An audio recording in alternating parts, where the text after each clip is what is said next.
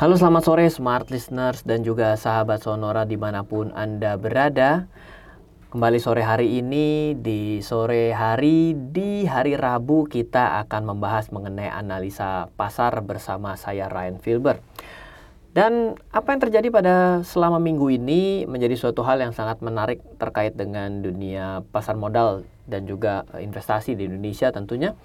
Kenapa? Karena di minggu ini kita mendapatkan satu minggu yang seru karena mengalami kenaikan. Jadi dalam satu minggu kalau misalnya smart listeners adalah investor pasar modal, uh, cukup senang karena setelah mengalami penurunan yang cukup besar yang terjadi di akhir bulan September dan sampai dengan uh, minggu pertama Oktober dan sampai dengan tanggal hari ini kita telah mengalami kenaikan dan mulai meninggalkan teritori negatif dari uh, indeks harga saham gabungan. Dan dengan ditutup pada hari ini pada kisaran level 6220 memberikan suatu indikasi setelah efek daripada iklim perpolitikan kita mulai kembali memiliki berada di jalurnya yaitu untuk indeks harga saham gabungan juga mulai kembali kondusif.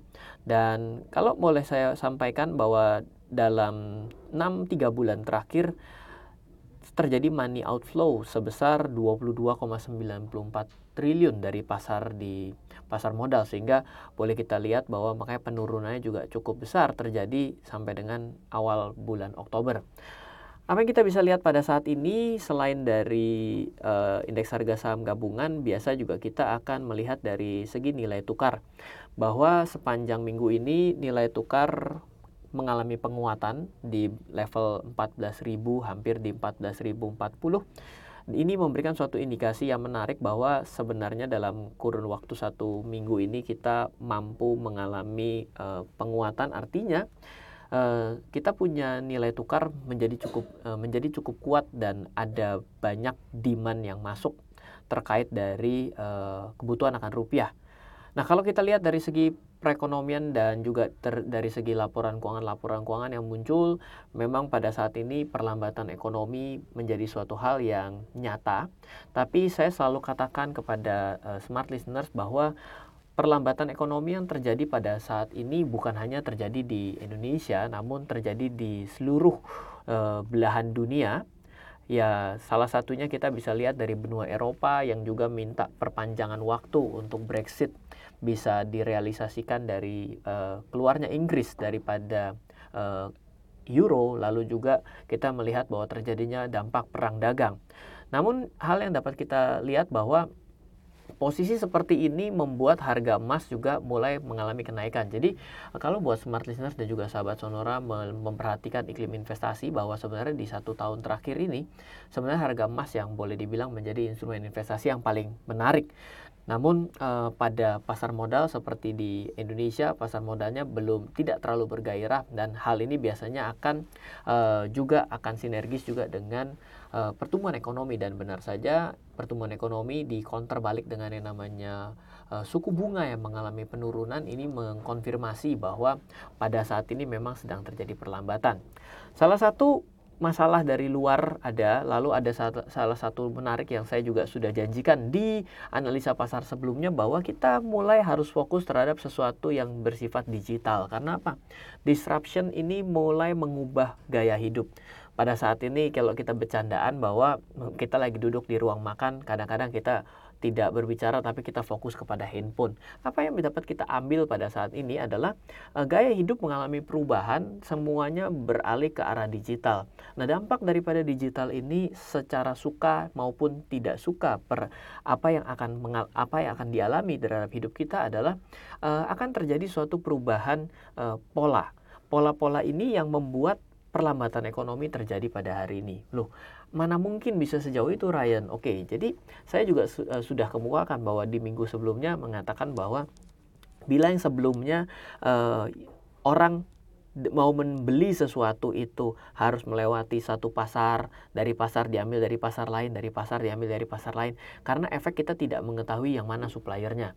Tapi kalau pada hari ini seorang supply seorang supplier yang utama ataupun seorang produsen dia bisa bertemu dengan cepat dengan langsung kepada end usernya. Sehingga boleh dibilang yang saat ini tidak mendapatkan makan bukan orang yang mau beli barang dan orang yang mau uh, yang mau dibeli barangnya yang tidak makan tapi adalah rantai perekonomian terhadap jalur distribusi ini yang terpangkas Efeknya dari mana? Efeknya adalah dengan segala sesuatu yang sudah bisa diakses dengan online. Coba kalau Anda tidak percaya, coba aja smart listeners maupun sahabat Sonora itu uh, membeli barang dari luar negeri. Kalau dulu dari luar negeri kita akan datang barang sampai dengan dua bulan, bahkan bisa tiga bulan.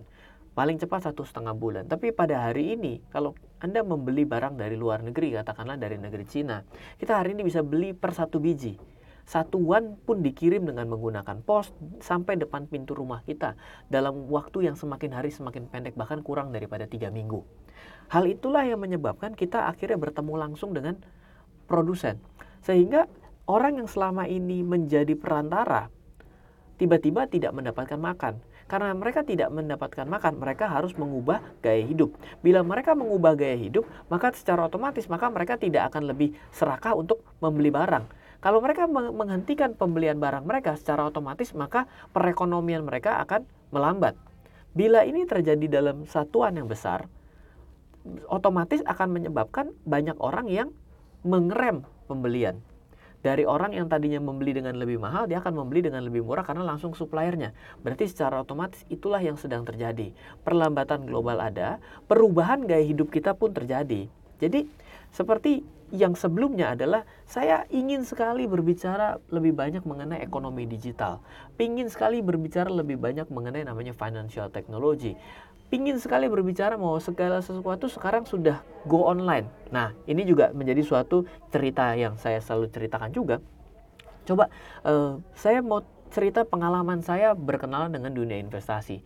Pada sekitar tahun 2004-2005, untuk kita memiliki sebuah rekening saham, setidaknya saya perlu mengeluarkan uang 30-40 juta dari kantong saya untuk deposit pertama kali. Dan pada saat itu juga masih sering kalau kita memesan barang itu melalui telepon, by phone. Coba Anda lihat pada hari ini, apakah ada broker saham yang melakukan penawaran seperti itu? Jawabannya tidak Jawabannya adalah, Bapak Ibu jangan khawatir, silahkan buka rekening. Minimum pembukaan rekening saham adalah ratusan ataupun hanya jutaan rupiah saja, tidak sampai puluhan juta. Dan bagaimana caranya saya bisa membeli saham? Jangan khawatir, pakai aplikasi saja Bapak Ibu. Secara otomatis aplikasi itu membuat segala sesuatu menjadi cepat dan lebih murah. Biaya telepon berapa duit? Biaya membuka satu kali klik untuk sebuah aplikasi tentunya lebih murah dibandingkan biaya telepon. Ini terjadi. Dan kita merasa diuntungkan sebagai seorang pelaku pasar dengan berinvestasi di era modern hari ini.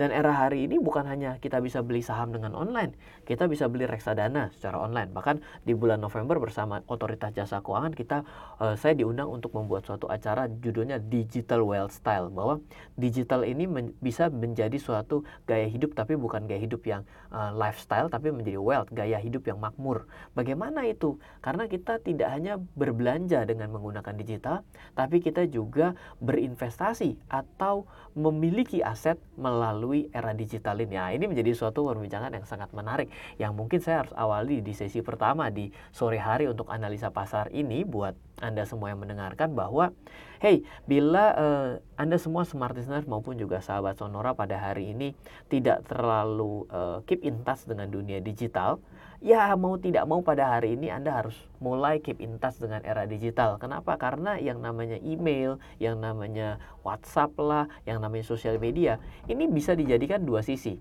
Bagus secara bisnis Anda atau bagus secara sosialisasi Anda, tapi juga bisa jadi berbahaya bagi bisnis Anda kalau Anda tidak mengikuti dan juga berbahaya bagi sosialisasi Anda kalau Anda berlebihan ataupun Anda tidak sama sekali itu menjadi suatu masalah.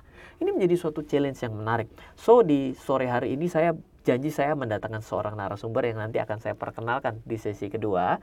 Jadi bila Anda mau bergabung, yang mau bertanya, yang juga ingin berbicara mengenai, ber, menanyakan mengenai investasi dan juga digitalisasi yang sore hari ini tentunya saya akan bahas mengenai fintech, silakan Anda kirimkan pertanyaan Anda ataupun unek-unek Anda, kirimkan ke 0812 11 12 959. Nanti kita akan bahas bersama-sama di sesi selanjutnya. Oke, kita lanjut di sesi berikutnya.